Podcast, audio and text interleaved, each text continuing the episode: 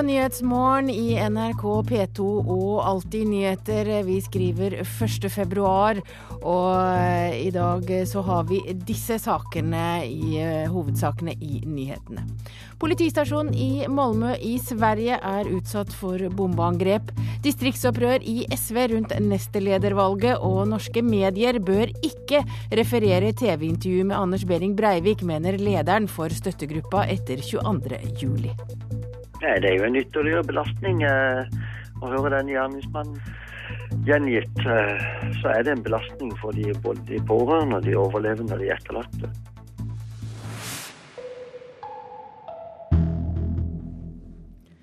I Sverige er en politistasjon i sentrum av Malmö utsatt for bombeangrep. Det er et veldig alvorlig angrep, sier politiets talskvinne. Det er jo alvorlig når man utsetter poliser eller polisstationer med med denne sortens attentat. Politistasjonen i Malmö er sperret av med politiets bånd. Ytterveggen på stasjonen fikk et kraftig hull i eksplosjonen, men til alt hell var det ingen folk i stasjonen da bomben gikk av. Men bare timer før ringte en mann til politiet og fortalte om en skuddveksling et annet sted i byen. Politiet rykket ut og fant en mann liggende skutt i en bil. Han viste tegn til liv, men døde på vei til sykehuset. Linda Karlsson og Mohammed Hagigi bor rett i nærheten av der drapet skjedde. Ja, det er hemskt. Det er jättehemskt det som har hendt, men man har ventet på at noe skal hende her i området, tyvärr, for at det er mye skit her. Mye knark og annet skit her.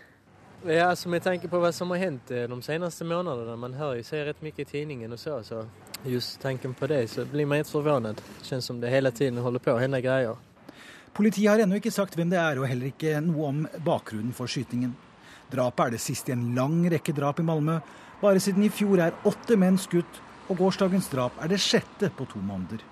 Det er ifølge politiet blitt mer og mer vanlig for ungdom å bære håndvåpen i Malmøs gater. Og den dødelige volden i Malmö har vært koblet til oppgjør mellom kriminelle gjenger. Og det sa utenriksreporter Øyvind Nyborg. Mitt Romney tok Florida med storm og vant nesten halvparten av stemmene, langt mer enn forventet i natt. Mitt Romney er nå tilbake i førersetet som den som kan komme til å utfordre Barack Obama fra republikansk side. Mitt Romney startet seierstalen med å si at republikanerne har kommet styrket ut.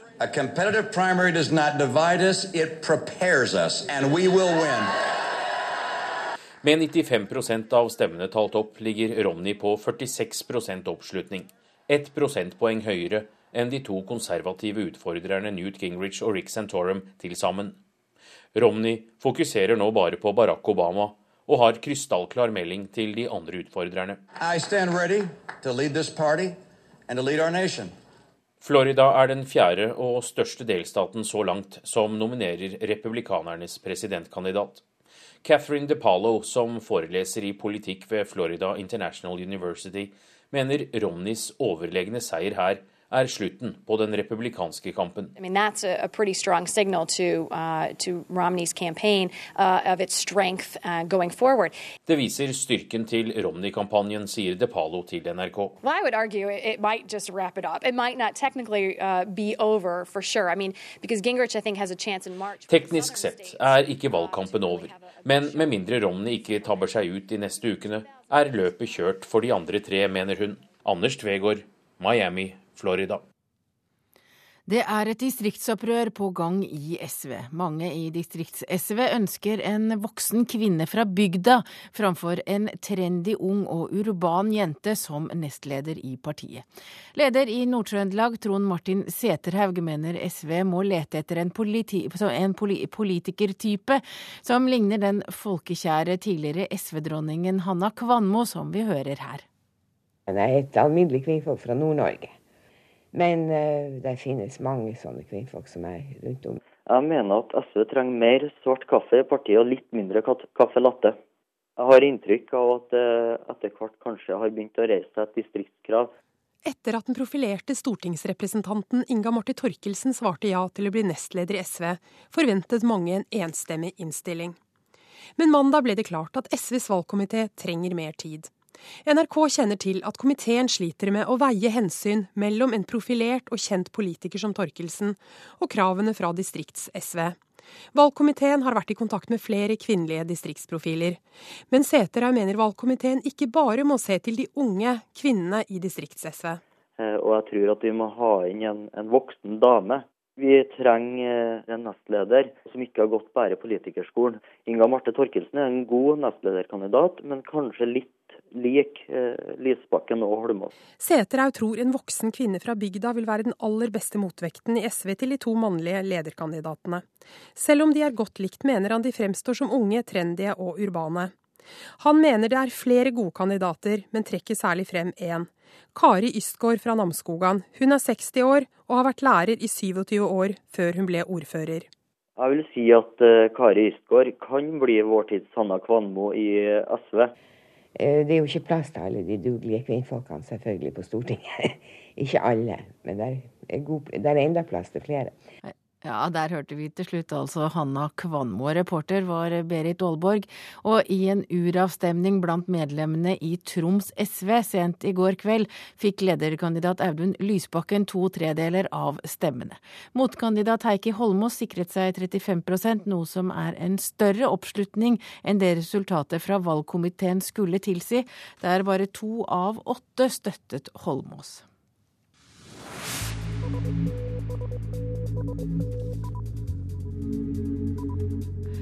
Da har vi kommet fram til en presserunde. Søksmålet etter Terra-skandalen har kostet kommunene og andre kreditorer over 130 millioner kroner. Likevel risikerer kommunene at saken mot City Group blir avvist, skriver Dagens Næringsliv. Dagbladet skriver i dag at New Zealands statsminister er bekymret for sikkerheten om bord på båten til Jarle Andhøy. Andhøys tokt mot Antarktis er løftet opp på det høyeste politiske planet i landet etter at det ble kjent at det er en newzealender om bord. Aftenposten skriver om Sør-Sudan i dag. I juli feiret oljenasjonen Sør-Sudans selvstendighet.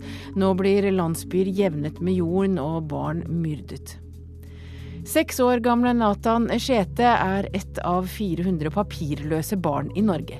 Nathan er født og oppvokst i landet, men han og familien risikerer nå å bli tvangsutsendt til Etiopia, skriver BT. Skammen over asylskjebnene gjør at vi engasjerer oss, sier filosof Lars Fredrik Svendsen til Bergens Tidende. Dagsavisen skriver at krisen i Hellas fører til at fattige mødre gir fra seg barna sine fordi de ikke makter å ta seg av dem. Tallet på fattige har passert to millioner, og den nye finanspakten kan gjøre det enda verre på kort sikt. Fattigdom er ingen fanesak i den amerikanske valgkampen. De republikanske presidentkandidatene bruker heller millioner på å knuse motstanderne, skriver Vårt Land. 3,5 millioner amerikanere mangler et hjem. Jens Stoltenberg og Helle Thorning-Smith er enige om å fornye sosialdemokratiet for å vinne velgere fra høyresiden, skriver Klassekampen. VG skriver at jenter på tolv år får resept på p-piller uten at foreldrene vet om det. I 2010 fikk nesten 1300 jenter mellom 12 og 14 år p-piller. Det finnes ingen lavalder for bruk av p-piller, sier helsesøster til VG. Og så har vi en gladsak fra Adresseavisen. Sigrid Ekran har satset alt på hundekjøring og er regjerende verdensmester. 31-åringen eier bare hundene sine, og all inntekt går til hundene og hundekjøring. Men nå vil en en eldre bonde i Folldal gi henne rubbel og bit av en svær fjelleiendom. Og i VG skriver de at vinteridyllen varer hele februar.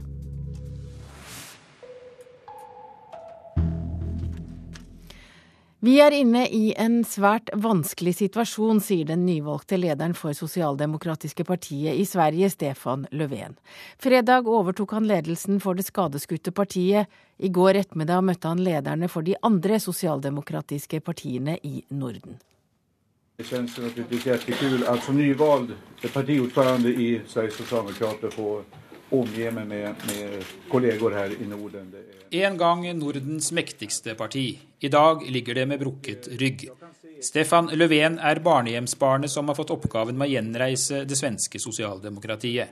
Fagforeningslederen, helt uten erfaring fra Riksdagen, ble utpekt som redningsmann for en snau uke siden. I går og i dag er han vert for de andre nordiske sosialdemokratiske lederne. I et Stockholm med lav vintersol og flust med kuldegrader sier Löfven at han har mye å lære av søsterpartiene i Norden. Det som sies er at vi har, ju väldigt, vi har ulike forutsetninger, vi har mye like. Men jeg er naturligvis inspirerad av att konstatera både Helle og Jens er statsministre. Det är ju det Stefan Löfven har en lang vei å gå. Partiet har vært preget av indre strid og har gått fra nederlag til nederlag. Meningsmålingene er langt nede på 20-tallet.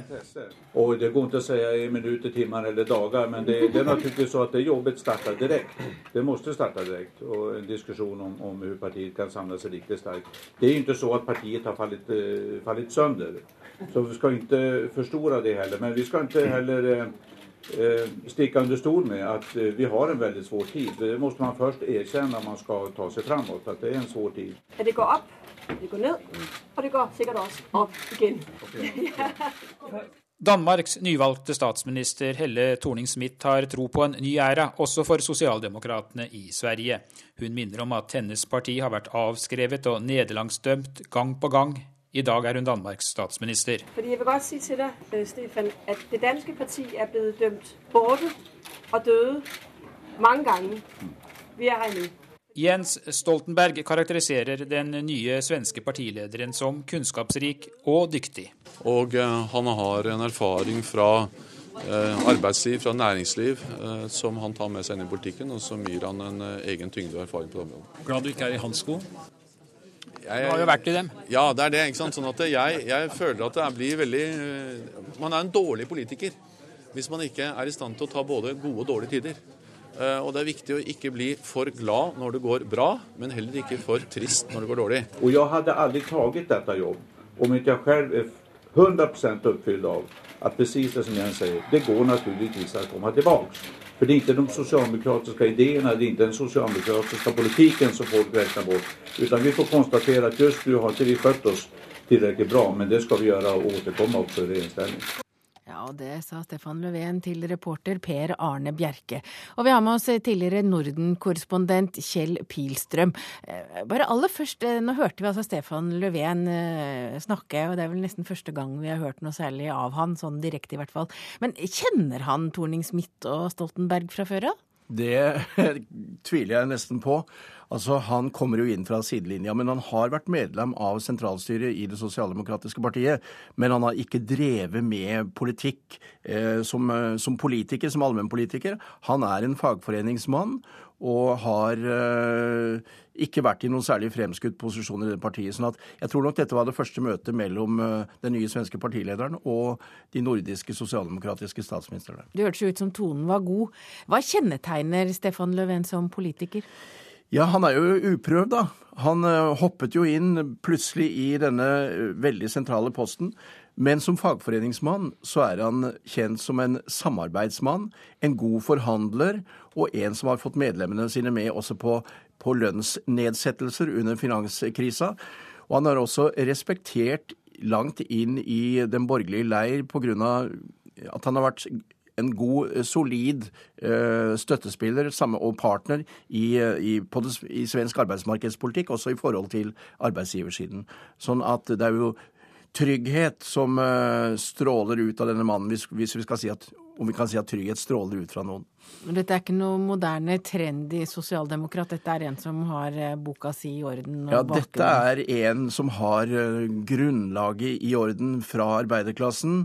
Og som mange har karakterisert han som veldig grå, og dette er å gå tilbake til 80-tallet osv. Men han har også vist seg som en moderne forhandler. Han er en en veldig ivrig talsmann for europasamarbeid og internasjonalt samarbeid, så han har mange sider, og eh, han, han, blir møtt med respekt. Hvordan skal han klare å gjenreise det svenske sosialdemokratiske partiet? Ja, Det er eh, en utrolig vanskelig oppgave. Husk på at sosialdemokratene har mistet enormt med velgere, ikke minst i storbyene. I, i Stockholm f.eks. er Miljøpartiet nesten like stort som sosialdemokratene ved siste valg. Sånn at, eh, Og også Moderatene, som er dominerende parti i Sverige, nesten 10 prosentenheter større enn sosialdemokratene på, det, på de siste målingene, har gjort enorme innhogg i eh, den sosialdemokratiske velgerskaren. Så han må både gå eh, og forsøke å gjenskape tilliten blant sentrumsvelgerne, og så må han også tette igjen lekkasjene mot venstre, fordi på venstresiden i svensk politikk har det kommet en ny, populær politiker for eh, det svenske Venstrepartiet, Jonas Sjøstedt, og det har ført til en rakett opp på meningsmålingene for Venstrepartiet. Så det er en, det er en, en oppgave man lett kan forskreve seg i. Men hva tror du han kommer til å gjøre? Han kommer først og fremst til å bygge et solid team rundt seg. Det klarte ikke forgjengeren eh, Håkan Juholt. Nå eh, er det en bedre stemning, sies det, i eh, dette partiet. Og han må bygge gode medhjelpere, gode rådgivere og framfor alt gode talsmenn i Riksdagen, fordi han sitter jo ikke i Riksdagen selv, og det er en klar ulempe. Takk til deg, tidligere Norden-korrespondent Kjell Pilstrøm.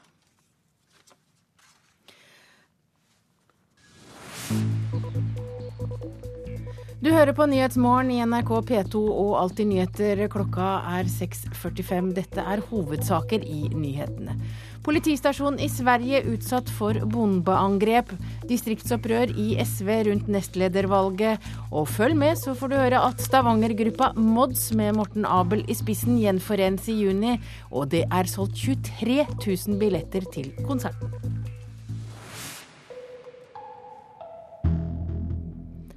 De såkalte overgangsvinduene gjør at mange fotballklubber må se attraktive spillere forsvinne. Stortalentet Markus Henriksen fikk tilbud om å spille for belgiske Brygge, men kommer kanskje noe overraskende tilbake til Rosenborg. Det var magefølelsen og totalpakken var ikke 100 og derfor valgte jeg å, å gjøre det jeg gjorde. da. Markus Henriksen tilbake i RBK, men på lånt tid, for ved neste korsvei kan han forsvinne et annet sted. Hvordan ser Erik Hoftun på det? Det er vanskelig å svare på. Eh, Markus kom tilbake fra Belgia, og det er vi veldig glad for. For Markus er en spiller i rivende utvikling og, og en spiller som er viktig for, eh, for Rosenborg. Så vi får nå se hvordan uh, utviklinga av sesongen her blir. og klart Hvis Markus fortsetter å utvikle seg og spille bra, så vil jo han være interessant for, for utenlandske klubber. Og Markus selv vet at det rette tilbudet kan komme når som helst.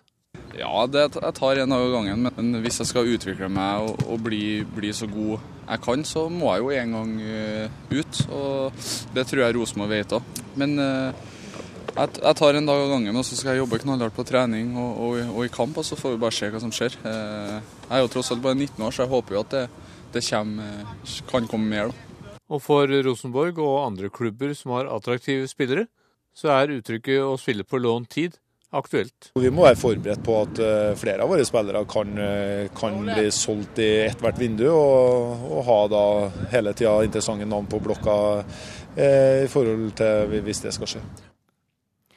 Og eh, denne saken var laget av Simen Skjelbostad. Fra i dag koster altså det 50 kroner å kjøpe en enkelt kollektivbillett eh, på trikk eller buss i Oslo og Akershus. Men så er spørsmålet får de kollektivreisende det de betaler for? Jeg kvier meg faktisk. Hvis jeg har eh, god nok tid, så går jeg heller fra sentrum og hjem. Altså Det er forsinket ofte? Nei, Jeg kommer jo hjem hver dag, så sånn sett så er det jo ikke så verst. 50 kroner, det er ditt. Neste holdeplass er Møllerveien. Tror du vi får plass? Ser ikke ut som det funker. 54-bussen fra sentrum i ettermiddagsrushet. Til og med gamle damer bruker albuer for å komme seg på. Du prøver å presse deg på. Det gikk akkurat. Ganske intimt her, da. ja, litt i overkant. Hun som står foran meg, må ha spist hvitløk til lunsj. Jeg så at han som sto bak meg kastet røyken sin rett før han gikk inn i maurtua. Nå lukter jeg det. Det er minus fire grader ute. Det må være minst 50 grader her inne. Det er ganske trangt her, ja. Klamt og varmt, selv om det er januar. Både eldre og yngre mennesker som konkurrerer om fotplass. Ikke sitteplass, men fotplass. Oi. Du orka ikke å stå på den bussen, du? Nei. Hvorfor ikke det? Det er fullt. I dag setter Ruter som vanlig på denne tiden av året prisen opp på enkelte billetter. Måneds- og årskortene blir litt dyrere. Prisen på smartbilletter, dagskort og sjudagerskort blir uendret, sier samferdselsbyråd Ola Elvestuen fra Venstre. Dette er jo en eh, vanlig prisøkning som ligger innenfor aksjonæravtalen mellom eh, Oslo og Akershus når det gjelder ruter, og er vanlig lønns- og prisstigning. Men må du kjøpe enkeltbillett om bord på en buss eller trikk, må du punge ut. Med 50 kroner. 50? Ja, det syns jeg er altfor for mye penger. Det syns jeg er horribelt. Jeg tror det er mange som kommer til å snike. 50 kroner er altfor mye. Det er for å unngå at det å kjøpe billett om bord eh, fører til forsinkelser.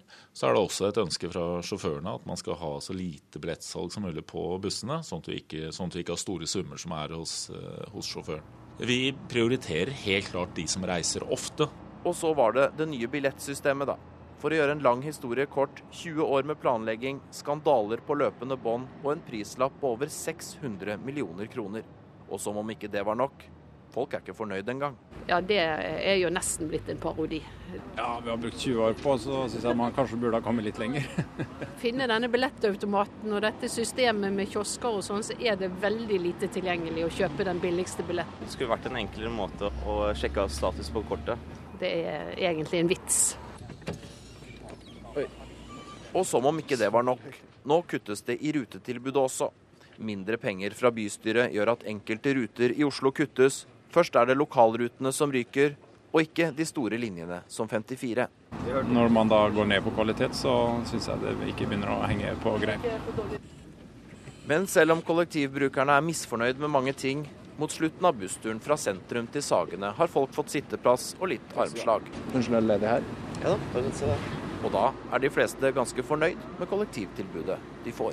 Jeg bor midt i byen. Jeg syns det er veldig bra der jeg Det bor. har alltid vært billigere, men eh, det er vel ikke det, er vel ikke det verste, de månedsbillettene. Med økte avganger og nattbusstilbud òg, så syns jeg de er på veldig riktig spor. Jeg har bodd i Bergen eh, i, i flere år, og eh, tilbudet her er betydelig bedre enn i Bergen, vil jeg si. Nå skal jeg av, jeg. Skal du? Da får du ha en fortsatt fin dag. dag.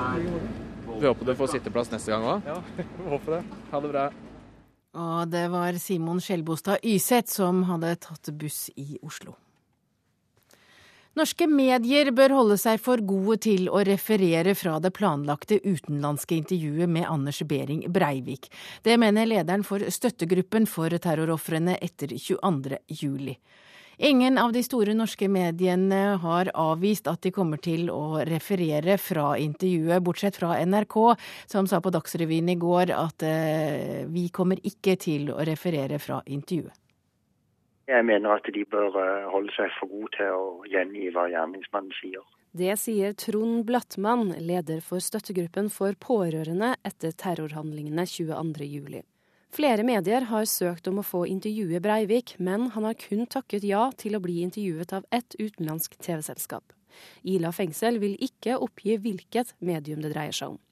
Ingen av de største mediene i Norge avviser at de vil referere fra det utenlandske intervjuet. Det reagerer Blattmann sterkt på. Nei, Det er jo en ytterligere belastning eh, å høre den gjerningsmannen gjengitt. Eh, så er det en belastning for de, både de pårørende, de overlevende og de etterlatte. Så det er kjempevanskelig. Jeg tror at eh, hvis ett medium slipper det her, så blir det som å åpne en strøm. Jeg er helt motstander av å gi den mannen en mikrofon over hodet. Et uh, fjernsynsintervju med Breivik, f.eks. laget av BBC eller CNN, vil være en begivenhet i seg selv som vi må dekke rent nyhetsmessig. Det sier sjefredaktør i Dagsavisen Arne Strand.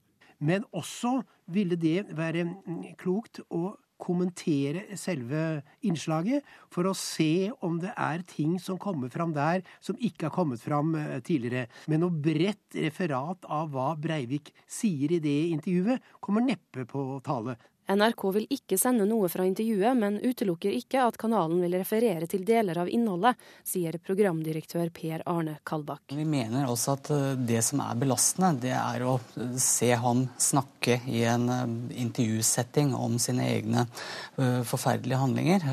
Vi mener at det ikke er riktig å gjøre det, i hvert fall ikke før rettssaken. Og det gjelder også selv om vi skulle få tilbud om et intervju eller deler av et intervju som noen andre har gjort. TV 2 sier til VG at de ikke ønsker å ta stilling til om TV-kanalen vil gjengi et intervju før de har sett hva slags intervju som eventuelt publiseres. Heller ikke VG og Aftenposten avviser at de vil referere fra intervjuet. Altså, hele, hele, denne saken og denne situasjonen må vurderes fortløpende fra dag til dag, fra situasjon til situasjon. Det sier redaktør i Dagbladet Jon Arne Markussen. Vi må foreta de samme journalistfaglige vurderinger og de samme etiske vurderinger om vi gjør det sjøl eller om vi refererer andre, naturligvis. Og reporter var Eirin Venås Sivertsen. Da skal vi snakke om Nobelkomiteen, som nå kommer til å bli gransket. Sverige har innledet gransking av Den norske nobelkomité, som av enkelte kritiseres for ikke å etterleve Alfred Nobels testamente.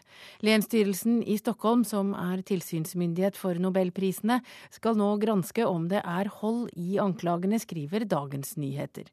Nobelkomiteen i Norge, som ledes av tidligere statsminister og stortingspresident Torbjørn Jagland, anklages bl.a. for å være for Nato-vennlig i sine valg av fredsprisvinnere. Et åttitallsband som eksisterte i fire år og ga ut tre plater, setter nå publikumsrekord på Viking stadion. Stavanger-gruppa Mods med Morten Abel i spissen gjenforenes i juni, og det er solgt 23 000 billetter til konserten. Et enestående fenomen, mener musikkskribenter. Det er jo nostalgi, det er historie, det er barndom, minner. Vorspiel, nachspiel. Det er jo ja, mange som har venta på det comebacket der. Stavanger-musikk. Og så er de gode. Når han går, alle snur og ser på han. Sløy det, så stygge som han er. Nesten 30 år etter at Morten Abels gjennombruddsband ble oppløst, går folk mann av huset for å få med seg gjenforeningen på Viking stadion i juni. Bandet eksisterte bare i fire år, men ennå herjer Mods-feberen i Stavanger. Tore Tang, en gammel mann. Hele byen kjenner han. Han som lever på gammelt brød og vann. Nyheten ble avslørt før jul, da Mods dukket opp bak et forheng på stadion og spilte for frammøtte pressefolk. Du er musiker, du. Du har ikke håp her i livet. Mens musikkanmeldere rynket på nesa, stormet folk til billettlukene. Av 23 000 utlagte billetter var det bare 100 igjen i går ettermiddag. Verken Bob Dylan, REM eller Eagles trakk så mange mennesker i oljebyen. Det er et, eh, ja, et lite sjokk. Sier Leif Tore Linde, musikkanmelder i Stavanger Aftenblad. Og han er ikke alene om å lure. Det er et enestående fenomen. Altså det, det er jeg overraska over. Det sier musikkjournalist Tom Sjeklesæter. Verken han eller kollega Arild Rønsen tror noe lignende kunne ha skjedd med noe annet band noe annet sted i Norge. Jeg kan jo bare gratulere med dagen, da. Men det, det, det, altså for oss som ikke kommer fra Jæren og Rogaland og Stavanger og der borte, så er dette egentlig ganske et mystisk fenomen. For det, det, er ingen her på østkanten, eller på Østlandet, som la merke til Mods i det hele tatt. Dere har hørt så mye på at dere hakker den CD-en. Blir du ikke lei, da? Nei. Journalist Leif Tore Linde må ha datter Ella på sju med når Mods spiller på stadion 9.6. Det er et veldig sånn, geografisk betinga band. Og det er det som har slått ut i full blomst når de selger 23 000 billetter. Hvor han kommer fra, vet bare han. Tore Tang. Ja, det var ikke noe i veien med kunnskapene der. Reporter i Stavanger var Anette Johansen Espeland.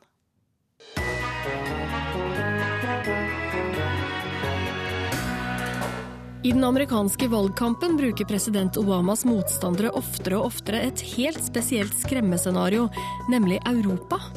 I Radioselskapet, rett etter Dagsnytt klokka 11, får du høre hvordan bildet av et skummelt sosialist-Europa blir brukt i amerikansk politikk.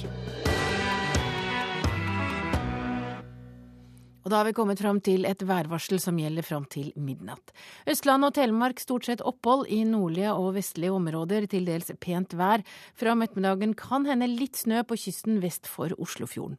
Agder til dels pent vær i vestlige områder, for øvrig oppholdsvær. Fra om ettermiddagen utrygt for litt snø på kysten øst for Kristiansand. Rogaland og Hordaland pent vær, men noe tilskyende om ettermiddagen. Sogn og Fjordane stort sett pent vær, mot kvelden sørlig liten kuling på kysten i nord tilskyende. Møre og Romsdal stort sett pent vær, fra om ettermiddagen sørøst frisk bris utsatte steder og noe tilskyende. Trøndelag sørøst bris, liten kuling utsatte steder, stort sett pent vær. Helgeland, Saltfjellet og Salten sørlig liten kuling på kysten. Fra om ettermiddagen sørøst stiv kuling, utsatte steder opphold. Ofoten, Lofoten, Vesterålen og Troms sørvest liten kuling på kysten. Fra om ettermiddagen stiv kuling, utsatte steder og opphold. Kyst- og fjordstrøkene i Finnmark sørlig sterk kuling utsatte steder, liten kuling lengst vest. Fra om ettermiddagen sørvest liten storm utsatte steder i øst og stiv kuling i vest. Finnmarksvidda opphold. Og Nordensjøland på Spitsbergen sørvest sterk kuling, fra om kvelden vestlig frisk bris og sludd. Og dette er altså et værvarsel som gjelder fram til midnatt.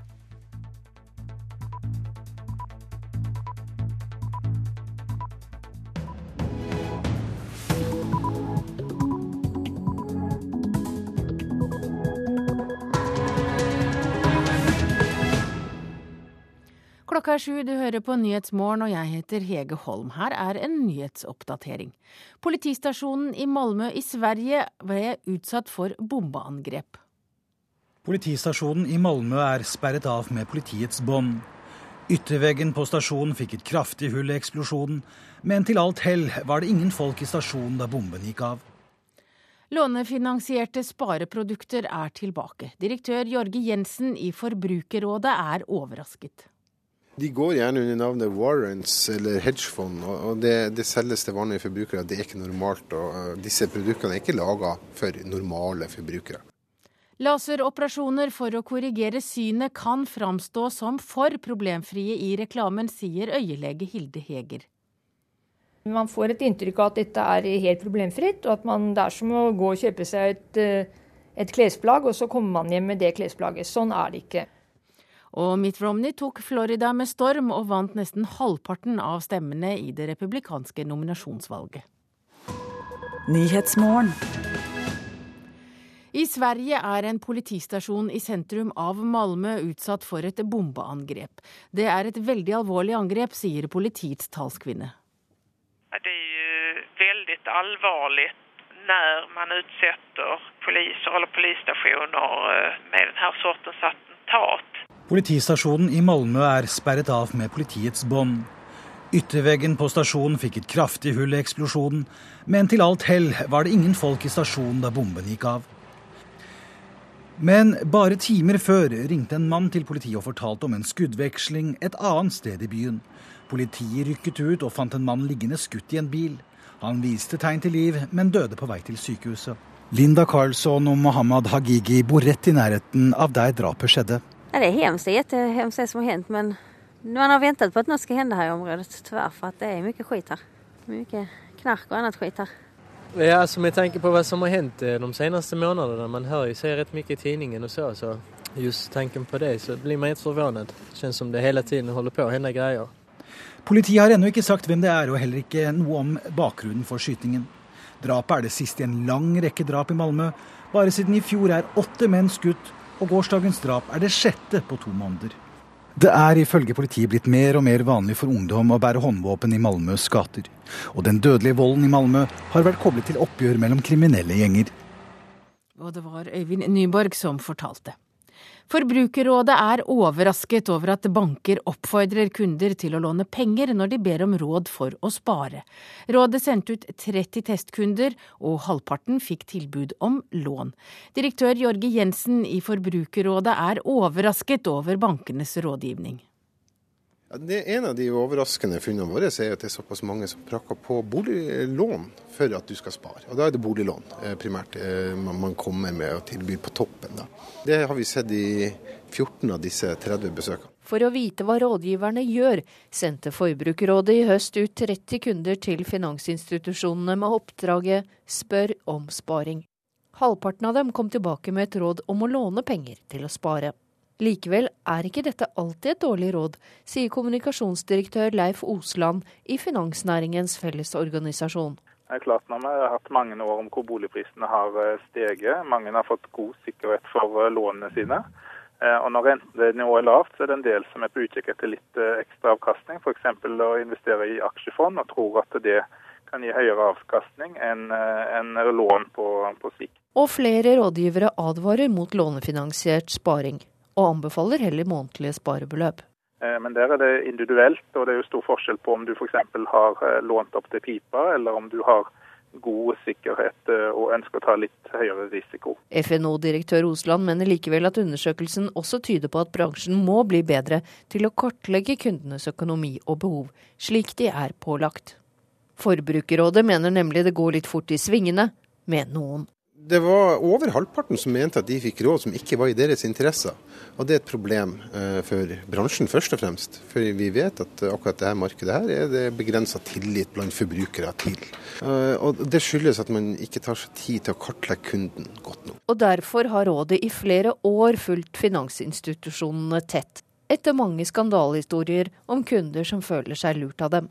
Det er nødvendig, mener fagdirektør Jorge Jensen i Forbrukerrådet. For også salget av eksotiske artikler pågår ennå i finansnæringen. De går gjerne under navnet warrants eller hedgefond, og det, det selges til vanlige forbrukere. Det er ikke normalt. og Disse produktene er ikke laga for normale forbrukere. Dette er ting som er laga for investorer. Men så ser vi at det kommer noen eksotiske produkter inn igjen, og det forbauser oss at, at de er tilbake i utsalgshylla. Ja, og det sa altså Forbrukerrådets Jørge Jensen til reporter Hedvig Bjørgum. Agnes Bergå, du er daglig leder i det uavhengige selskapet Pengedoktoren. Oppfordres altså fortsatt kunder til å kjøpe sånne kompliserte spareprodukter? Ja, det gjør de. Eh, Og det vil fortsette. Og årsaken er Ja, hvorfor det? Er det fordi bankene tjener masse penger på å lure oss? Ja, nei, ikke, ja. De tjener mye penger på å selge slike produkter. Eh, jo mer eh, slike produkter de selger, jo mer tjener de. Altså Selgerne har et økonomisk eh, incitament til å selge slike produkter. Og de kan også ha en økonomisk interesse av at produktene er kompliserte. Fordi jo mer kompleks strukturen er, jo vanskeligere kan det være for kunden å oppdage hvor dyre produktene egentlig er. Så, så lenge vi har provisjonsbasert salg, så vil eh, kompliserte spareprodukter bli eh, pusha. Men, men vi vil jo eh, spare for det vi vil hente det ut senere og ha fått fortjeneste. Men eh, vi forstår ikke helt eh, hva det er vi sier ja til. Det er ofte tilfellet. Det som kan være problemet i eh, reportasjen som vi hørte fra Forbrukerrådet, det er jo at mange spareprodukter blir anbefalt med lån, lånefinansiert sparing. Eh, Og det en da må huske på, det er at eh, hvis du tar opp lån, så øker du risikoen. For å tjene på sparingen, så må da avkastningen først og fremst være så høy at den dekker kostnadene til lånet. Og deretter så skal du sitte igjen med en avkastning som minst dekker en høyrentekonto i banken, for at du skal ha tjent på dette her i det hele tatt. Så lånefinansiert sparing betyr alltid høyere risiko. Faren for tap er alltid høyere når du har lånefinansiert et spareprodukt. Men pleier man å tape, eller pleier man å vinne på å oppta slike produkter? Ja, så Det er jo ikke alltid feil å ta opp lån når en sparer eller investerer. Det har vi jo alle gjort når vi har kjøpt eh, bolig, eh, hytte eller tatt eh, utdannelse. Men det kan være feil. En må tenke seg godt om før en tar opp lån til spareprodukter. Eh, Og det en alltid skal gjøre når en sitter der og eventuelt vurderer å gå inn i slike spareprodukter, det er å få oversikt over to elementer. Altså hva for noen kostnader er det knytta til produktet, og hva for en mulighet har du til å selge deg ut av produktet hvis du vil. Nå sitter det veldig mange sparekunder som er låst i spareproduktene sine. De kommer seg ikke ut. Det er ikke marked for dem, og særlig gjelder dette såkalte eiendomsfond. Eh, Så, en skal ikke heller godta å få en henvisning til et prospekt, si at alt dette står i prospektet, men be selgeren skriftlig om å si sett opp et regnestykke til deg, hva er det det koster meg å gå inn i dette produktet, hva er det betaler i provisjon direkte til deg, hvilke kostnader er som ligger skjult i produktet. Og en skal ikke gå inn i et spareprodukt uten at en har full forståelse for hva er det produktet koster, og hva er muligheten for å komme seg ut.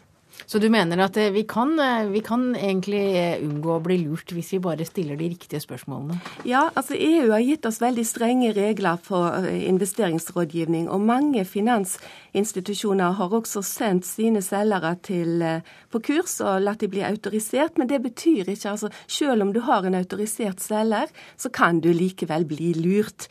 Men gjør det så lett du kan rundt deg. Vel enkle spareprodukt som er gjennomregulerte og oversiktlige oversiktlig. Og ikke glem at det beste du ofte kan gjøre, det er å nedbetale gjeld. Og det rådet får du ikke fra noen selger, for det tjener de ikke et øre på. Takk til deg. Et godt råd, Agnes Bergo. Du er altså daglig leder i det uavhengige selskapet Pengedoktoren. Øyelaseroperasjon kan føre til komplikasjoner som reklamen ikke forteller noe om.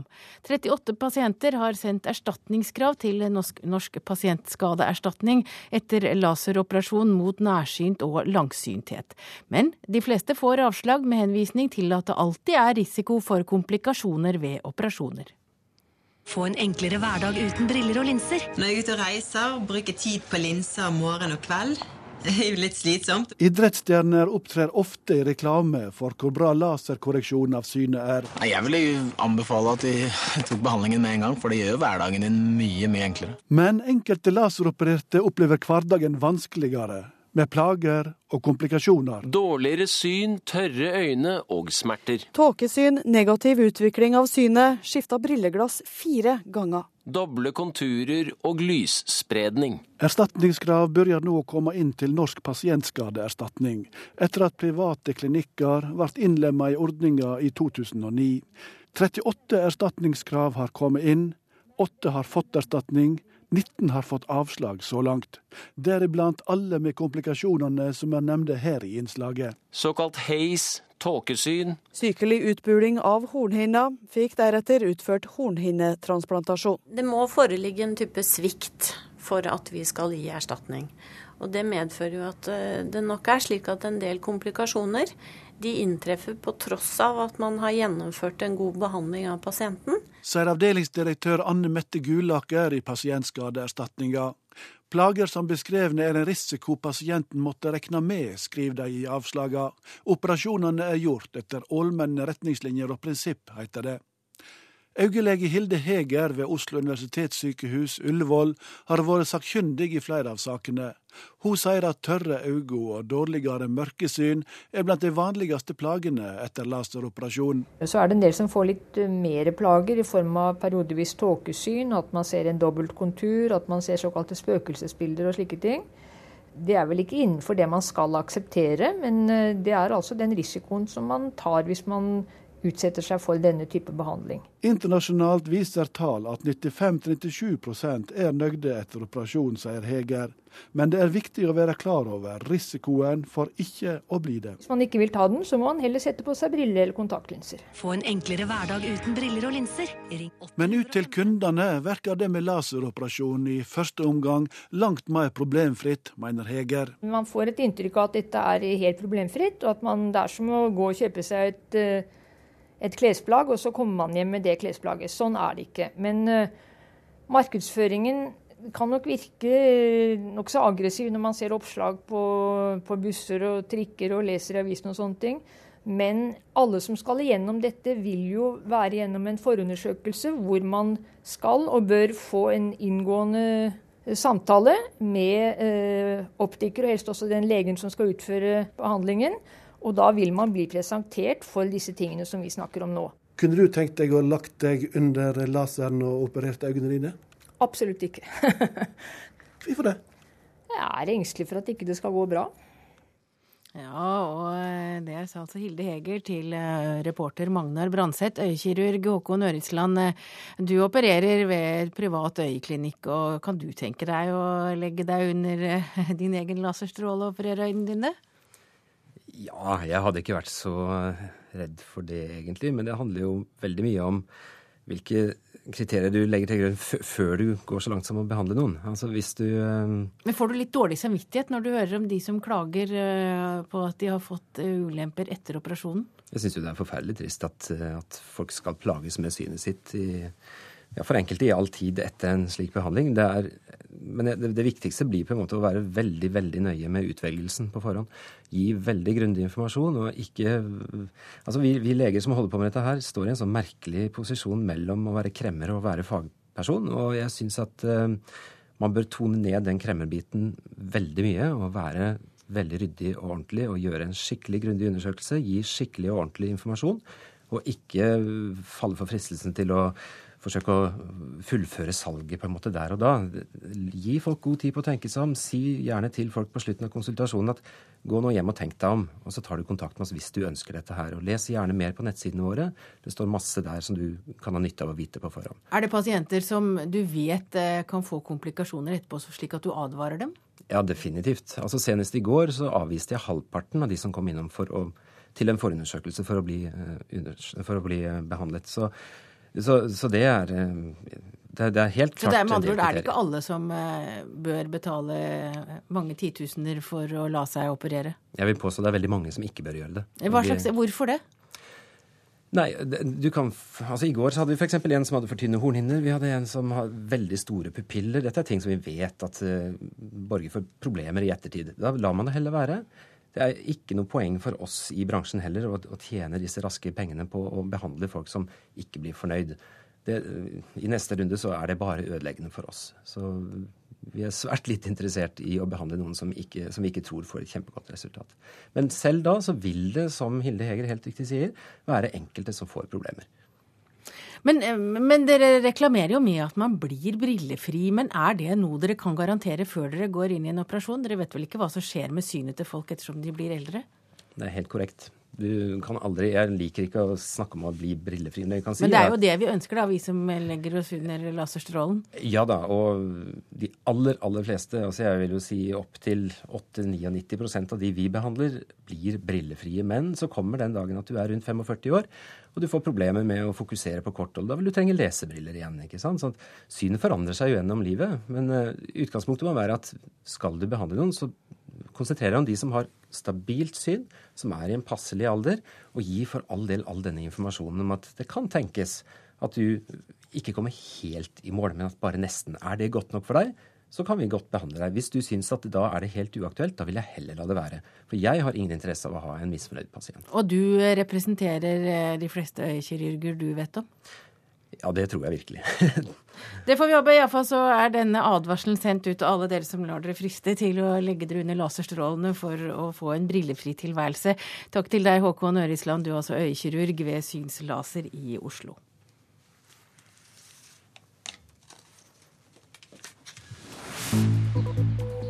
Klokka er 7.16, du hører på Nyhetsmorgen, og dette er hovedsaker i nyhetene. I Sverige er en politistasjon i sentrum av Malmö utsatt for et bombeangrep. Øyelaseroperasjon kan føre til komplikasjoner som reklamen ikke forteller noe om. Og lånefinansierte spareprodukter er tilbake, det viser Forbrukerrådets undersøkelse.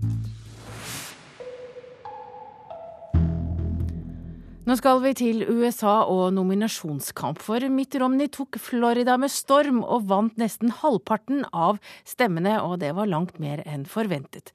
Romney er tilbake i førersetet som den som kommer til å utfordre Barack Obama fra republikansk side.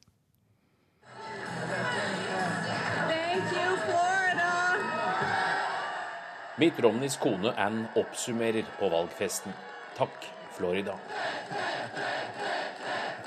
Det har vært en tøff nominasjonskamp i solskinnsdelstaten, med mye grums og skittkasting. Mitt Romney startet seierstalen med å si at republikanerne har kommet styrket ut.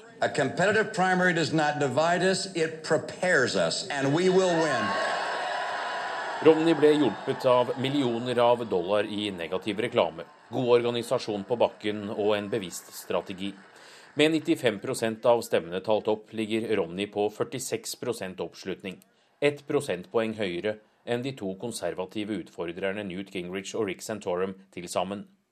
Romney fokuserer nå bare på Barack Obama og har krystallklar melding til de andre utfordrerne. Florida er den fjerde og største delstaten så langt som nominerer republikanernes presidentkandidat. Catherine DePalo, som foreleser i politikk ved Florida International University, mener Romneys overlegne seier her er slutten på den republikanske kampen. I mean, that's a, a pretty strong signal to, uh, to Romney's campaign uh, of its strength uh, going forward. Det viser styrken til Romney-kampanjen, sier DePalo til NRK. Well, I would argue it, it might just wrap it up. It might not technically uh, be over for sure. I mean, because Gingrich, I think, has a chance in March. Teknisk sett er ikke valgkampen over. Men med mindre Romney ikke tabber seg ut de neste ukene, er løpet kjørt for de andre tre, mener hun. Gingrich fortsetter trolig til sørstatene, der han i mars kan få et oppsving, men hele februar er satt av til Romney. Han kommer enten til å vinne eller gjøre det bra i de sju delstatene som stemmer i februar, og uten fjernsynsdebatter kan pengene raskt tørke ut for rivalene i en dyr valgkamp, sier Catherine DePalo. That, that Hun tror et punktum settes supertirsdag, når ti delstater stemmer på samme dag i mars. between the conservative leader Newt Gingrich and the Massachusetts moderate. Newt Gingrich talte til sine etter nederlaget i Florida. Han kikket ut på et publikum som holdt plakater der det sto 46 delstater igjen. Ron Paul og Rick Santorum er allerede på plass i Nevada, der neste avstemning holdes i helga. Ingen av dem satset på Florida, siden alle delegatene her går til vinneren. Kristenkonservative Santorum forteller at Gingrich fikk sjansen i Florida etter brakseieren i Sør-Carolina. Gingrich feilet og ble selv en belastning for de konservative, sier Santorum, som også lover å holde valgsirkuset gående. Men akkurat nå er det Mitt Romney som har tatt over førersetet. Og som har framdrift i kampanjen. Anders Tvegård, Miami, Florida. FNs sikkerhetsråd debatterte i natt en mulig resolusjon om Syria. Russland har så langt blokkert forslaget fra Den arabiske liga, som tar til orde for at president Bashar al-Assad går av. Og Midtøsten-korrespondent Sigurd Falkenberg Mikkelsen, hvordan var debatten i natt? Og Tonen i debatten var eh, i og for seg høflig, men det er ikke noe tvil om at avstanden i posisjon er eh, stor. Det de går fra Qatar på den ene siden, som er i FN eh, i New York sammen med lederen for Den arabiske liga, for å eh, forsøke å samle støtte til eh, sitt forslag. Eh, de kaller jo eh, regimet til Bashar al-Assad for en drapsmaskin. Så har du da Russland på den andre siden, som forsyner regimet med våpen og støtter Assads regime diplomatisk. Dette forslaget ble introdusert av Marokko, og det tar til orde for at Bashar al-Assad skal gå av det vil ikke Russland eh, være med på. Sier at ikke det er FNs mandat å gripe direkte inn. Eh, på den andre siden har du amerikanerne som sier at eh, Assads dager er talte, men vet ikke hvor lang tid det tar før han faller. Og så holdt syrerne selv en følelsesladet appell. De snakket om et vestlig komplott og tok også inn historien og Lawrence of Arabia og mye kritikk rettet da mot de andre arabiske landene, og særlig da mot Qatar. Men er det noen sjanse for at de blir enige? Altså Bak her eh, ligger Libya-spøkelset. Eh, både Russland og Kina føler seg jo lurt av måten Vesten brukte resolusjonen eh, om, om å beskytte sivile i Libya for å skifte regime der. Sånn at det gjør situasjonen vanskeligere enn den ville vært uten det. I resolusjonsforslaget så understrekes det at ikke det skal gripes inn militært, men det ligger altså tydelige interesseforskjeller i bunnen her. Eh, men ingen vil lukke dørene, og russerne sier nå at de kjenner igjen en del av sine egne punkter i den teksten som diplomatene i New York jobber med. Og Den franske utenriksministeren Alain Juppé han var eh, ganske avmålt, men sa at ikke det var komplett umulig å komme til noen enighet. og Det blir antagelig ikke noen avstemning før fredag. Hvordan er situasjonen i Syria akkurat nå? Eh, vi har ikke mange kilder å forholde oss til, eh, men eh, lokale aktivister hevder at 22 mennesker ble drept i går, og at alle var sivile unntatt én. Det er igjen da helt umulig å dobbeltsjekke disse påstandene. Vi vet at den syriske hæren tidligere i uken tok tilbake noen av forstedene rundt Damaskus, og at det har vært kamper andre steder i området. Uh, opprørsstyrkene som kaller seg Free Syria Army, uh, Free, Free Syria Army sier at det er uh, sånn rundt 50% av territoriet som nå er utenfor regimets kontroll. det høres i mine ører overdrevent ut, men vi ser tendenser til at regimet sliter militært, som, som de kampene i forstedene til Damaskus viser. Takk til deg, Midtøsten-korrespondent Sigurd Falkenberg Mikkelsen.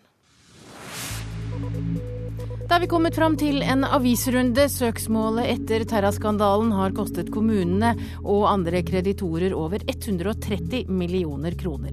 Likevel risikerer kommunene at saken mot City Group blir avvist, skriver Dagens Næringsliv. Dagbladet skriver i dag at New Zealands statsminister er bekymret for sikkerheten om bord på båten til Jarle Andhøy. Andhøys tokt mot Antarktis er løftet opp på det høyeste politiske planet i landet, etter at det ble kjent at det er en newzealender om bord. Dagsavisen skriver at krisen i Hellas fører til at fattige mødre gir fra seg barna sine fordi de ikke makter å ta seg av dem. Tallet på fattige har passert to millioner, og den nye finanspakten kan gjøre det enda verre på kort sikt. Fattigdom er ingen fanesak i den amerikanske valgkampen. De republikanske presidentkandidatene bruker heller millioner på å knuse motstanderne, skriver Vårt Land. 3,5 millioner amerikanere mangler et hjem. VG skriver at jenter på tolv år får resept på p-piller uten at foreldrene vet om det. I 2010 fikk nesten 1300 jenter mellom 12 og 14 år p-piller, og det finnes altså ingen lavalder for bruk av p-piller, sier en helsesøster til VG. Og så er det gladsak i Adresseavisen i dag. Sigrid Ekran har satset alt på hundekjøring og er regjerende verdensmester. Og alt hun tjener, det går til hundene, og nå vil altså en eldre bonde i Folldal gi henne rubbel og bit av en svær fjelleiendom.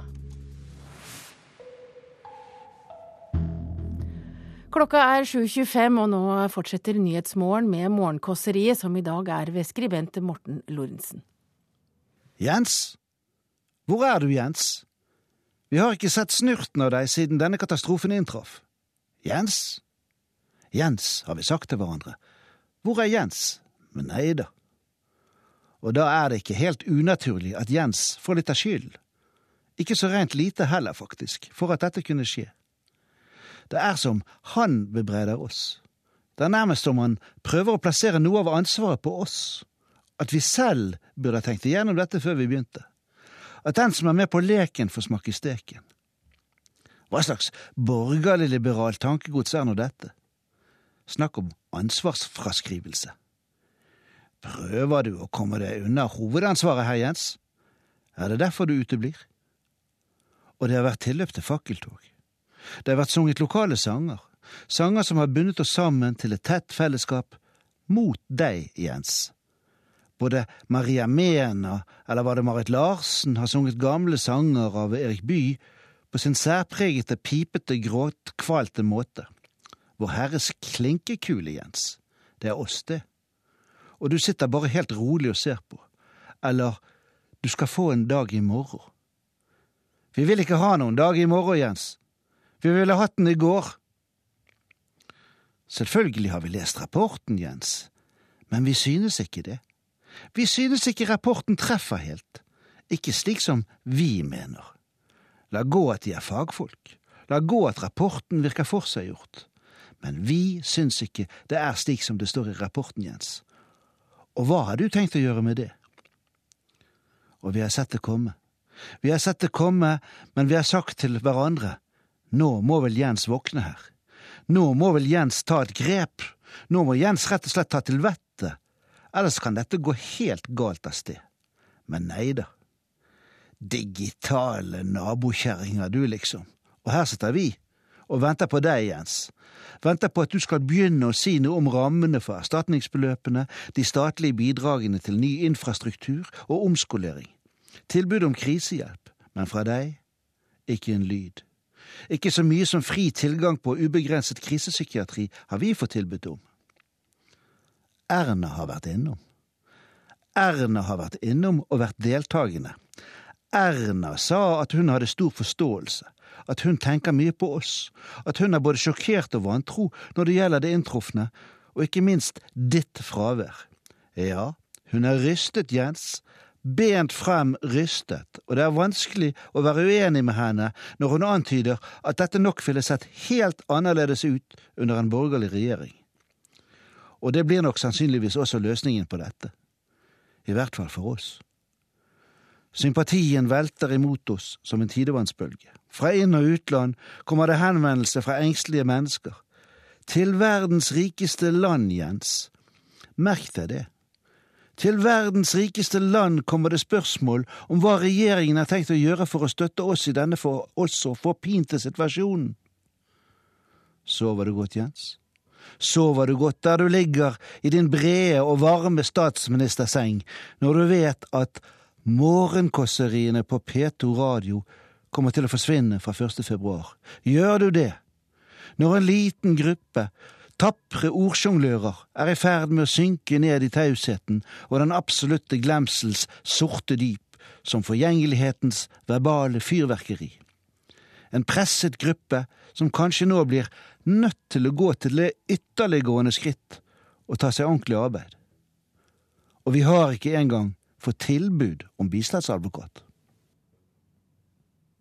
Og det sa Morten Lorentzen. Og i den neste halvtimen får du Dagsnytt, og så skal vi til Egypt. Produsent for Nyhetsmorgen Silje Katrine Bjarkøy. Jeg heter Hege Holm.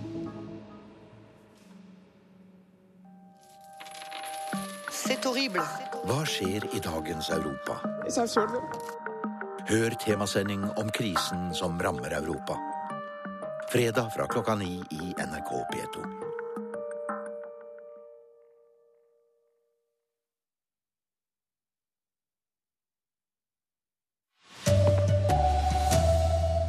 Politiet i Malmö setter inn store styrker etter bombeattentat mot politistasjonen i natt. Eksotiske spareprodukter er tilbake, det viser kartlegging av bankene. Og Mitt Romney tok en soleklar seier i Florida i natt. God morgen, her er NRK Dagsnytt, klokken er 7.30. Svensk politi har satt inn store styrker i Malmö etter alle drapene den siste tiden. En politistasjon ble utsatt for et bombeangrep i natt, og politiets talskvinne sier det er alvorlig. Alvorlig når man utsetter poliser eller polisstationer med denne sortens attentat. Politistasjonen i Malmö er sperret av med politiets bånd. Ytterveggen på stasjonen fikk et kraftig hull i eksplosjonen, men til alt hell var det ingen folk i stasjonen da bomben gikk av. Men bare timer før ringte en mann til politiet og fortalte om en skuddveksling et annet sted i byen. Politiet rykket ut og fant en mann liggende skutt i en bil. Han viste tegn til liv, men døde på vei til sykehuset.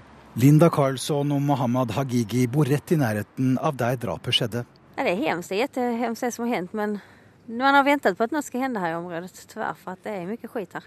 Mye knark og annet skit her. Ja, altså, med tanke på hva som har hänt eh, de seneste månedene, man hører jo sig rett mye i tidningen og så, så just tanken på det så blir man helt forvirret. Känns som det hele tiden holder på å hende grejer. Politiet har ennå ikke sagt hvem det er, og heller ikke noe om bakgrunnen for skytingen. Drapet er det siste i en lang rekke drap i Malmö. Bare siden i fjor er åtte menn skutt, og gårsdagens drap er det sjette på to måneder. Det er ifølge politiet blitt mer og mer vanlig for ungdom å bære håndvåpen i Malmøs gater. Og den dødelige volden i Malmø har vært koblet til oppgjør mellom kriminelle gjenger. Det sa reporter Øyvind Nyborg. Halvparten av Forbrukerrådets testkunder ble oppfordret til å låne penger da de gikk i banken for å få råd om å spare. Direktør Jorge Jensen i Forbrukerrådet sier dypdykket hos kunderådgiverne i finansinstitusjonene ga overraskelser igjen. Det En av de overraskende funnene våre er at det er såpass mange som prakker på boliglån for at du skal spare. Det har vi sett i 14 av disse 30 besøkene. For å vite hva rådgiverne gjør, sendte Forbrukerrådet i høst ut 30 kunder til finansinstitusjonene med oppdraget Spør om sparing. Halvparten av dem kom tilbake med et råd om å låne penger til å spare. Likevel er ikke dette alltid et dårlig råd, sier kommunikasjonsdirektør Leif Osland i Finansnæringens Fellesorganisasjon. Det er klart Man har hatt mange år om hvor boligprisene har steget, mange har fått god sikkerhet for lånene sine. Og Når rentenivået er lavt, så er det en del som er på utkikk etter litt ekstra avkastning. F.eks. å investere i aksjefond, og tror at det kan gi høyere avkastning enn en lån på, på sikt. Rosland mener likevel at undersøkelsen også tyder på at bransjen må bli bedre til å kartlegge kundenes økonomi og behov, slik de er pålagt. Forbrukerrådet mener nemlig det går litt fort i svingene med noen. Det var over halvparten som mente at de fikk råd som ikke var i deres interesser. Og det er et problem for bransjen, først og fremst. For vi vet at akkurat dette markedet her er det begrensa tillit blant forbrukere til. Og det skyldes at man ikke tar seg tid til å kartlegge kunden godt nok. Reporter var Hedvig Bjørgum. Laseroperasjon for korrigering av synet kan gi komplikasjoner. Det sier overlege Hilde Heger ved øyenavdelingen ved Oslo universitetssykehus. Mange av de som klager, får avslag. Risikoen for komplikasjoner er noe pasienten må akseptere. Få en enklere hverdag uten briller og linser. Flere tusen nordmenn legger seg hvert år under laseren for å bli kvitt brillene med kirurgisk operasjon. Takk for alt. Ønsker du et liv uten briller og linser? Man får et inntrykk av at dette er helt problemfritt, og at man, det er som å gå og kjøpe seg et, eh, et klesplagg. Sånn er det ikke. Øyelege Hilde Heger ved Oslo universitetssykehus Ullevål møter også minussidene ved laseroperasjon. Det er en del plager som følger med. Og til de vanligste plagene så hører tørre øyne, dårligere mørkesyn. For enkelte kan det bli verre. Doble konturer og lysspredning. Tåkesyn, negativ utvikling av synet. Det er altså den risikoen som man tar hvis man utsetter seg for denne type behandling. Sier øyelege Hilde Heger, som har vært sakkyndig i flere av sakene. Hvis man ikke vil ta den, så må man heller sette på seg briller eller kontaktlinser. Kunne du tenkt deg å lagt deg under laseren og operert øynene dine? Absolutt ikke.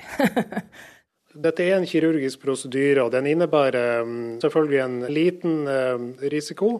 Alexander Skau er laserkirurg på privat klinikk og leder Øyelegeforeninga i Den norske legeforening. Over 95 er nøyde etter operasjon ut fra utenlandske tall, sier han, men Man kan ikke være fornøyd med at uh, noen ikke blir fornøyd, slik at um, hele teknologien og selve behandlingen, både med det som har med å sile ut de som ikke bør ha operasjon. Men det gjøres både i USA og i Europa, som vi er en del av, stadig forbedringsarbeid for å få ting enda bedre. Reporter var Magnar Branseth. Sverige har startet gransking av den norske Nobelkomiteen, skriver avisen Dagens Nyheter.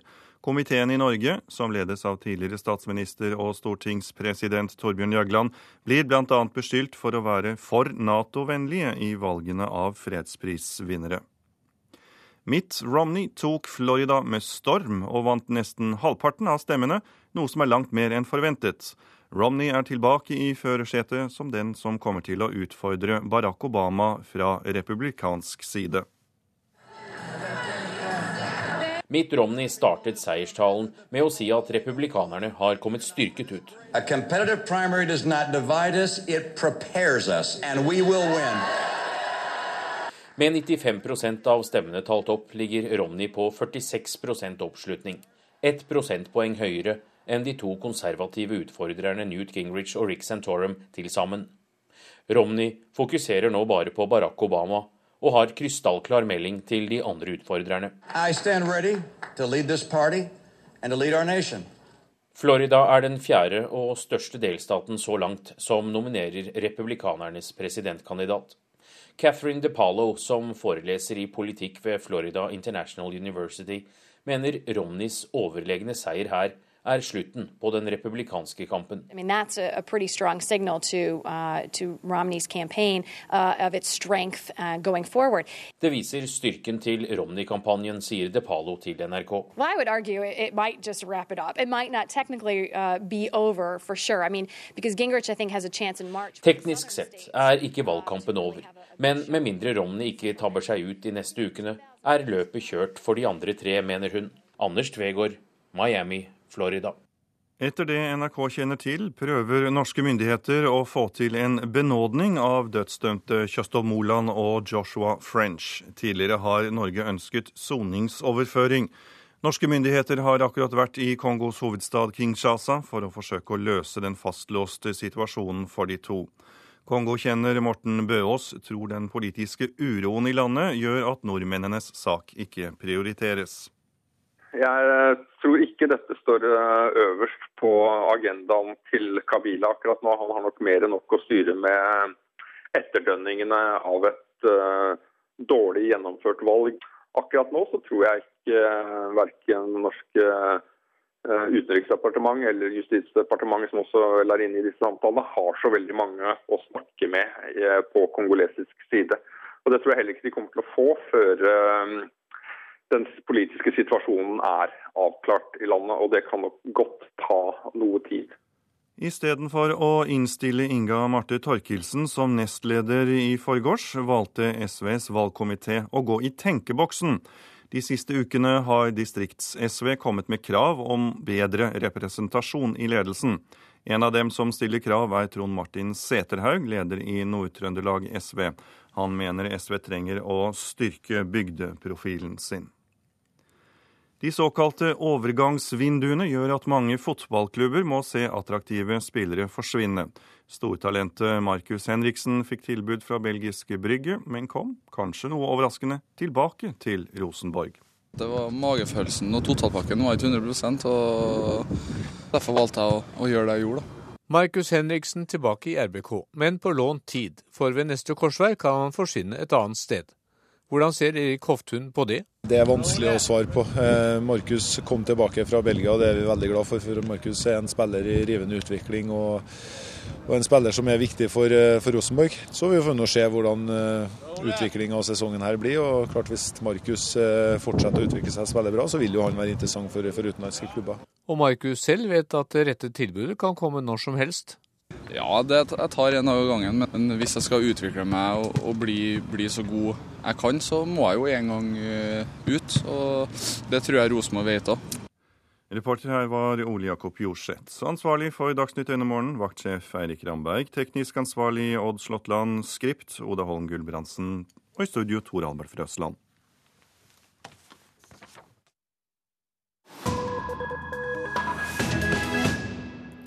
Og Nyhetsmorgen fortsetter. Vi skal til Egypt, for samtidig som egyptiske demonstranter krever at militærrådet må gå av, har det nye parlamentet startet sitt arbeid.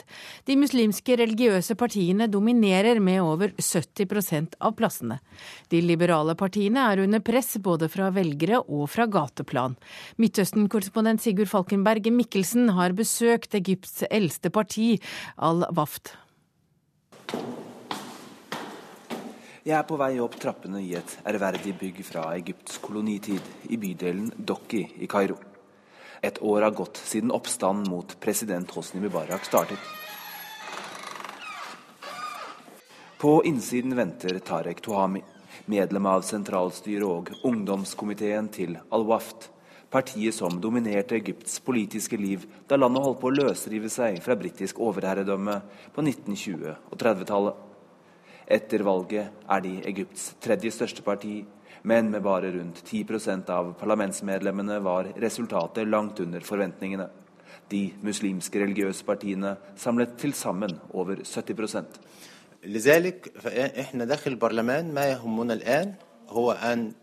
Waft-partiets parlamentsmedlemmers første og viktigste oppgave blir å beskytte landets sivile grunnlov og sørge for at vi ikke blir dominert av religion som i Iran, sier Tuami. Han sier at de to største utfordringene for partiet blir hærens grep om makten og de religiøse partienes grep om parlamentet.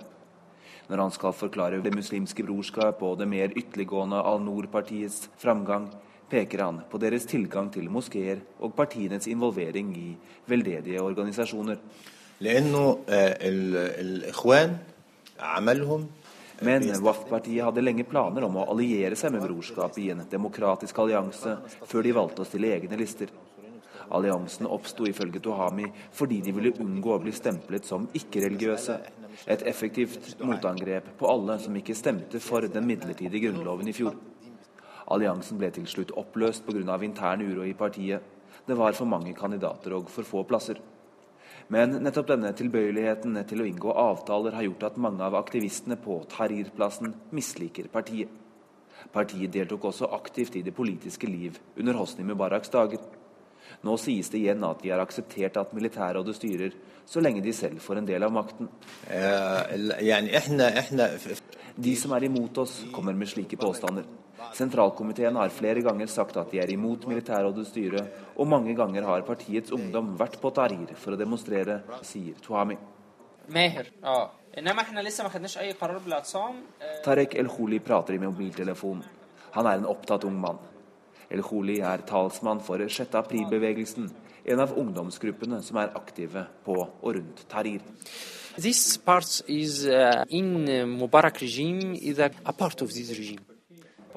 WAF-partiet var en del av Mubarak-regimet. Mubarak brukte dem som dekor for politikken på den tiden, sier han, for å forklare hvorfor avstanden er stor, selv om de deler noen av målene, bl.a. ønsket om en sivil grunnlov. En politisk realisme har likevel bredt seg i ungdomsgruppene. Nå som WAF har fått såpass mange parlamentsmedlemmer, er det kontakt mellom bevegelsen og partiet. Uh, with brotherhood, the relation now is good. Uh, brotherhood call me uh, every day and ask what we want. And... Akkurat som de har kontakt med andre partier, også Det muslimske brorskap. 6. april-bevegelsen forsøker å forsikre seg om at de får en skikkelig grunnlov. Det blir også en av VAF-partiets viktigste oppgaver i månedene som kommer, samt forberede neste valg. Da ønsker de å få til en felles liberal allianse. For de har fått seg en skikkelig lærepenge av islamistene i valget, sier Tarek Tuhami. Og klokka er snart kvart på åtte. Du lytter til P2s Nyhetsmorgen, og dette er hovedsakene. Politiet i Malmö setter inn store styrker etter bombeattentat mot politistasjonen i natt. Lånefinansierte spareprodukter er tilbake, viser Forbrukerrådets undersøkelse, og Mitt Romney tok en soleklar seier i Florida i natt. Og i Politisk kvarter har du fått besøk av en politiker det har stormet rundt en stund, programleder Sigrid Solund. Hun har fått kritikk fra nær sagt alle hold, og det ser ikke ut til å stilne med det første.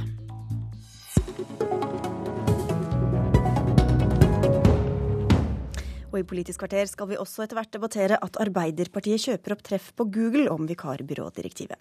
Men først helseminister Anne Grete Strøm-Eriksen, velkommen hit. Takk for det. Eller velkommen tilbake, burde jeg kanskje si, for du gikk fra studio til studio her eh, i går kveld, da for å mm. forsvare deg overfor sinte fastleger. Men du har også fått eh, kritikk for sykehussammenslåinger, lokalsykehusstrid og gjennomføringen av Samhandlingsreformen. Hvorfor tror du du er så omstridt? Jeg tror ikke nødvendigvis at det er meg som er omstridt. Jeg tror eh, det at uh, helse er et uh, område som berører alle mennesker. Det gjelder oss alle innbyggere i dette landet. Derfor så engasjerer det, og derfor så er det òg ofte ulike synspunkter og mange meninger. Men hvorfor skal dere endre på så mye på så kort tid? Altså, det er jo ikke snakk om å endre på så mye.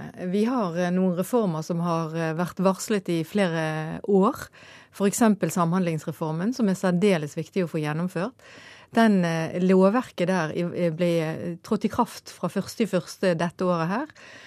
Så den er jo på en måte i sin spede begynnelse, men forberedelsene til Samhandlingsreformen har jo pågått en stund.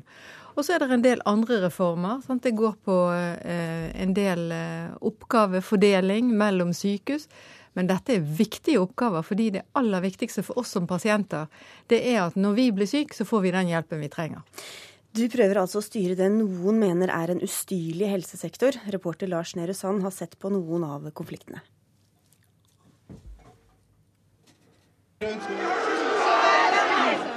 Anne Grete Strøm Eriksen kan umulig ha glemt den spisse pipekonserten, de krasse plakatene og en forbannelse mer ildrød enn alle faklene i Molde den desemberkvelden i 2010. Hvordan reagerer du på dette møtet, disse demonstrantene som du blir møtt med her? Ja, det er et stort engasjement, det ser jeg jo. Det handlet om fremtiden til helsetilbudet i Kristiansund og Molde.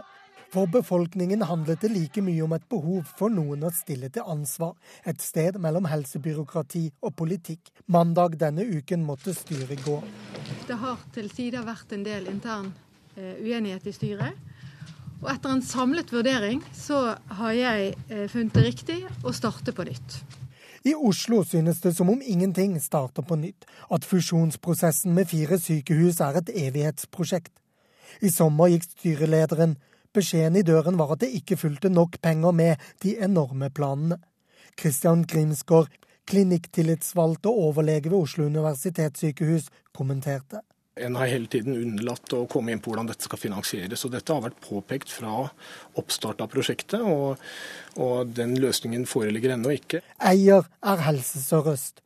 Helseministeren ommøblerte styret der i går. Et styre som måtte tåle en NRK-undersøkelse som viser at 90% av de ansatte frykter omstillingen fører til dårligere pasientsikkerhet. Da sa professor og overlege Torgeir Brun Willer. Det er en veldig høy andel både av legene, av sykepleierne og ikke minst av lederne på ulike nivåer i sykehuset som er bekymret for pasientsikkerheten, som syns fusjonsprosessen går for fort. I går var helseministeren i møte med fastlegene. Også de gjør opprør mot endringer. Felles for alt dette, det handler om tillit, penger, kompetanse, fagmiljøer, stolthet og sikkerhet. Om hvem som bestemmer og hvem som har ansvar. Derfor spør man seg om helseministeren egentlig har full kontroll. Ja, Helseminister Anne Grete Strøm-Eriksen, hvor god kontroll har du? Jo, det, jeg, har, eh, jeg mener at jeg har kontroll. Eh, det gjør jeg absolutt. Eh, og det som er viktig, det er det at en del av de prosessene som foregår i Helse-Norge, det er prosesser som går over tid, som tar tid. Eh, og det må vi òg egentlig ha respekt, respekt, for. Det er ikke bare å knipse i fingrene og gjøre politiske vedtak. Men hvis du har kontroll, så har du jo også uansett selvfølgelig ansvar. Og hvorfor har du da ikke klart å rydde opp i den ekstreme misnøyen som har vært bl.a. med sykehussammenslåingene på Østlandet? Altså det, er, eh, det, er, også en prosess som har gått, og som går og kommer til å gå over lang tid. Det er, ingen, det er ikke satt noen enn dato for omstillingen når den skal være ferdig. Fordi jeg hører jo det at noen sier at dette går for fort. Men det aller viktigste her, det er jo det at her skal man slå sammen fagmiljøet for oss å få sterkere og bedre fagmiljø. Det dreier seg kun om én ting å få et enda bedre tilbud til pasientene. Men hvor viktig var disse problemene for at du valgte å skifte ut store deler av styret i, i Helse Sør-Øst? Styret i Helse Sør-Øst har ansvar for hele regionen. Alle helseforetak i regionen. Eh, styret for Oslo universitetssykehus, ble, eh, der ble det etablert et nytt styre Ja. Men også Ahus f.eks. har det vært problemer med. ikke sant? ja, men eh, som jeg sier, så har det regionale helseforetakets styre de har ansvar for alle, altså et overordnet ansvar for alle helseforetakene. Og så har de enkelte foretakene egne styrer. Oslo universitetssykehus de har først og fremst et ansvar for å stå for omstillingen der. Men selvfølgelig skal det regionale styret støtte godt opp om det. Men det var ikke det jeg spurte om. Jeg spurte om hvor viktig har dette vært for utskiftingen av styret? Utskiftningen av styret ble gjort altså Det gjøres under eh, helt egne vurderinger. Altså Når man gjør vurderinger i Helse Midt-Norge, så gjør man de vurderingene på bakgrunn av det, eh, de rammene som ligger der, de forutsetningene som er der. Det samme skjer i Helse Sør-Øst. Men eh, har styret og ledelsen gjort en god nok jobb, mener du, med denne prosessen? Altså det er slik at eh, Jeg sa eh, veldig klart eh, når vi skiftet styre i Helse Midt-Norge, at eh, en av grunnene var at det hadde vært en del eh, intern uenighet. Eh, og vi fant det riktig, å, etter en samlet vurdering, å begynne på nytt. Men det, er, det blir ikke riktig å begynne med noe sette en, altså, si, Gi noe karakter til noen som har sittet i styret. For folk har gjort en god jobb ut ifra de forutsetningene som er. Eh, og så eh, er det vår, mitt ansvar å sørge for at det er styrer som følger opp regjeringens og Stortingets helsepolitikk. Ja, Er utskiftning av disse styremedlemmene i flere helseregioner et uttrykk for at du ønsker mer politisk styring av eh, Helse- og Sykehus-Norge? Jeg har politisk styring av eh, Sykehus-Norge. Eh, fordi at styringen går direkte fra Stortinget gjennom meg til de styrene i de regionale helseforetakene. Men selvfølgelig så er jeg også opptatt av at det er regjeringen og Stortingets politikk som blir gjennomført. Men det har også handlet om at noen politikere f.eks. i Midt-Norge er blitt beskyldt for å øh, tenke mer på sin egen, sitt eget hjemsted enn på hele regionen. Er det da riktig å ha politikere i, i styrene? Altså Det er en vurdering øh, som man alltid må gjøre. om det er, Men prinsippet ble Eh, vedtatt i, i, 2006. Siden har det vært en praksis. Men er det en riktig, er det en riktig vurdering jo, det, sånn som det er i dag? Det er sånn, man må jo alltid se på det i, en, eh, i ettertid, om, om, det er en, en riktig reform. Foreløpig har vi det. Mener at det er, er verdifullt å ha eh, folk med politisk kompetanse. Men det er veldig viktig at i disse styrene så sitter man som enkelt ansvarlige eh, med en politisk bakgrunn, og det er den man skal bruke. Ikke gjøre styrene om til en partipolitisk arena. Men Klarer de å skille da, de som sitter der? Ja, det mener jeg at veldig mange klarer veldig godt. På hvilken måte er de nye styrene nå bedre enn det de forrige var?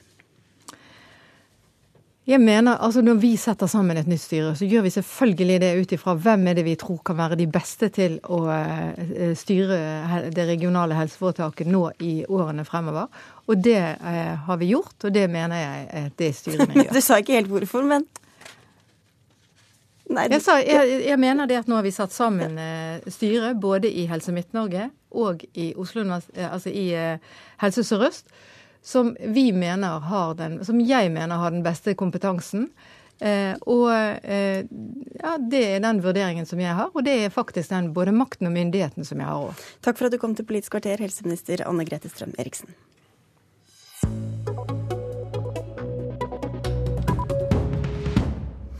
Arbeiderpartiet har opp, kjøpt opp topptreffet du får på Google hvis du søker om det omstridte vikarbyrådirektivet fra EU. Hvis du søker, er det første som kommer opp en annonse med link til Arbeiderpartiets nettside med spørsmål og svar om direktivet.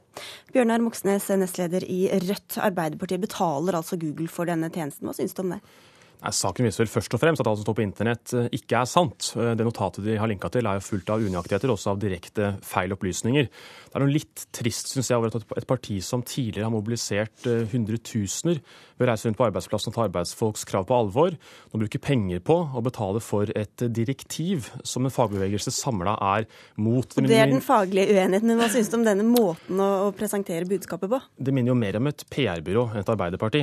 Og mange går på internett for å søke opp informasjon, eh, i hvert fall noenlunde objektiv, om ulike saker. Det vi ser her er et notat som er eh, helt ensidig, uten en eneste motforestilling. Og det er merkelig, for direktivet støttes altså av NHO og Høyre, og LO går samla imot. Ok, Nå er du langt inn i den politiske diskusjonen, Anette Trettebergstuen, stortingsrepresentant for Arbeiderpartiet. Hvorfor velger dere denne metoden? Nei, altså I motsetning til Rødt så mener vi i Arbeiderpartiet at både altså, informasjonssamfunnet med internett og reklame har kommet for å bli. Og vi er selvfølgelig opptatt av at, eh, at vår politikk, eh, enten det er eh, vår mening om vikarbyrådirektivet eller klima eller Samhandlingsformen eller hva som helst, at vi når ut til folk. Derfor så bruker jo vi tradisjonelle medier. Vi sitter her og diskuterer politikk. Vi bruker avisspaltene. Vi bruker sosiale medier og selvfølgelig også internett. Våre egne sider. og også reklame på nettet. Så er det også sånn at uh, vi reklamerer på, på Google. Uh, Google er jo en søkemotor, det er jo ikke noe leksikon. Så når, hvis du aktivt søker etter informasjon om vikarbyrådirektivet, ja, så får du da opp en annonse for Arbeiderpartiets nettside. Der står det at det er en annonse. Det står at hvis du klikker her, så kommer du til Arbeiderpartiet. Eh, og Gjør du det, så kommer du inn på vår side, og der får du vite hva Arbeiderpartiet mener om vikarbyrådirektivet. Det mener vi er en uh, god måte for å nå folk på. Vi ønsker å være der folk er, og folk er på internett. Folk er på Google, Bjørnar Moxnes. Likevel kaller du dette for snikete? Ja, altså, jeg lurer jo på da, hvem som lar seg overbevise av denne kampanjen fra Arbeiderpartiet. Og det er jo litt merkelig altså, at et parti som i hvert fall tidligere har hatt veldig gode kontakter ut i fagbevegelsen, nå bruker internett som et slags siste desperat forsøk i innspurten av en kampanje. Men de sier jo at de er på mange andre plattformer plattformer også, da? Ja, det har tydeligvis ikke overbevist noen som helst da, som er fagorganiserte. Nei, okay, men... Hva er det du misliker ved akkurat denne måten å operere på? Nei, Jeg mener jo at, at, det er litt uh, snikete, som jeg sa, uh, å, skulle framstille det som i realiteten er et uh, ikke-objektivt partsinnlegg for vikarbyrådirektivet som en slags nøytral spørsmål- og svarinformasjon. Hvis du går inn og leser litt grundig hva som står i de ti spørsmålene og svarene om direktivet, så er det altså ikke én eneste motforestilling mot et direktiv som da en samla fagbevegelse, både LO og Unio, går kraftig imot, og som arbeidsgiverne og Høyre og Frp er veldig for. Og Det er spesielt at Arbeiderpartiet har en så ensidig argumentasjon for et veldig kontroversielt direktiv som har store konsekvenser for arbeidslivet i Norge i mange år La oss nå si en litt teoretisk eh, problemstilling at en ungdomsskoleelev her skal skrive særemne om eh, vikarbyrådirektivet. Anette Trettebergstuen. Hvor nøytral vil du da si at den informasjonen som først dukker opp er? Hvis en elev skulle skrive en sånn oppgave, så vil jeg tro at det var relevant for den eleven å vite hva Norges største parti mente om vikardirektivet. Men, hvorfor vi er det nøytral informasjon dere legger Nei, det er ikke nøytral informasjon. Altså, det er jo vår mening om et, eh, et viktig direktiv. Og Det fremgår jo selvfølgelig også ved at det er en annonse for vår nettside. og Det står helt klart at dette er Arbeiderpartiets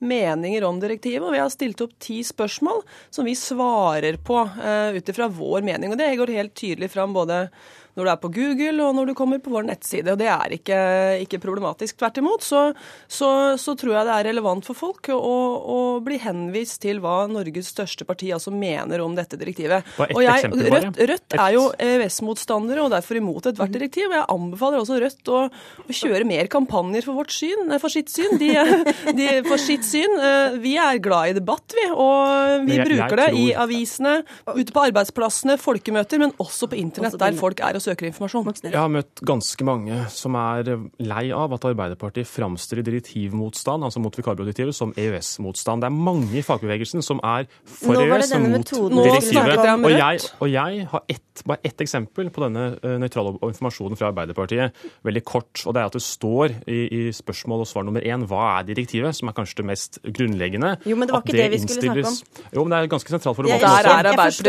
og der, der er dere bare politisk uenige, men du, snakker, du sa sa også på Dagsrevyen i går at det er kritikkverdig at Arbeiderpartiet bruker penger fra LO til Ja, å annonsere. Og det, og det er et viktig poeng. Husk at det, er altså, det går også kontingentpenger fra LO-organiserte bussjåfører, hjelpepleiere og også bygningsarbeidere Så de som kan, går men det betyr til at Arbeiderpartiet kan ikke bruke penger på å snakke om sin politikk Jo, der hvor de er uenige jo, med de, LO? de kan gjøre akkurat som de vil, men, jeg har men mitt poeng er at, at folk som er i LO, som slåss for sine interesser der, er ganske forbanna over at penger fra LO også går til å finansiere en kampanje for et direktiv som NHO og Høyre og Frp er veldig for, Jo, og som de selv men er Moxnes, mot. Moxnes, vi reklamerer for mange tema. Klima, sosial dumping, sterk arbeidsmiljølov, alle våre politikkområder. Denne annonsen har vi brukt 600 kroner på. 600 kroner. Eh, Du kan si at det er min kontingent da, og moren min sin kontingent, også en halv kontingent til. Vi deler ikke opp våre budsjetter i LO-penger og andre penger, men vi bruker jo selvfølgelig eh, penger på å reklamere for vårt syn, enten det da gjelder helsepolitikken eller, Eller et direktiv som. LO samla går imot. Og helt til slutt her, Bjørnar Moxnes, til og med dere hadde råd til 600 kroner. Er det aktuelt for Rødt å kjøpe opp Google? Vi satser heller på å snakke med folk ute i arbeidslivet enn på internettannonsering. For det tror vi er mye viktigere enn det. det Og takk skal dere ha for at dere kom til Politisk kvarter, Bjørnar Moxnes og Anette Trettebergstuen. Mitt navn er Sigrid Solund.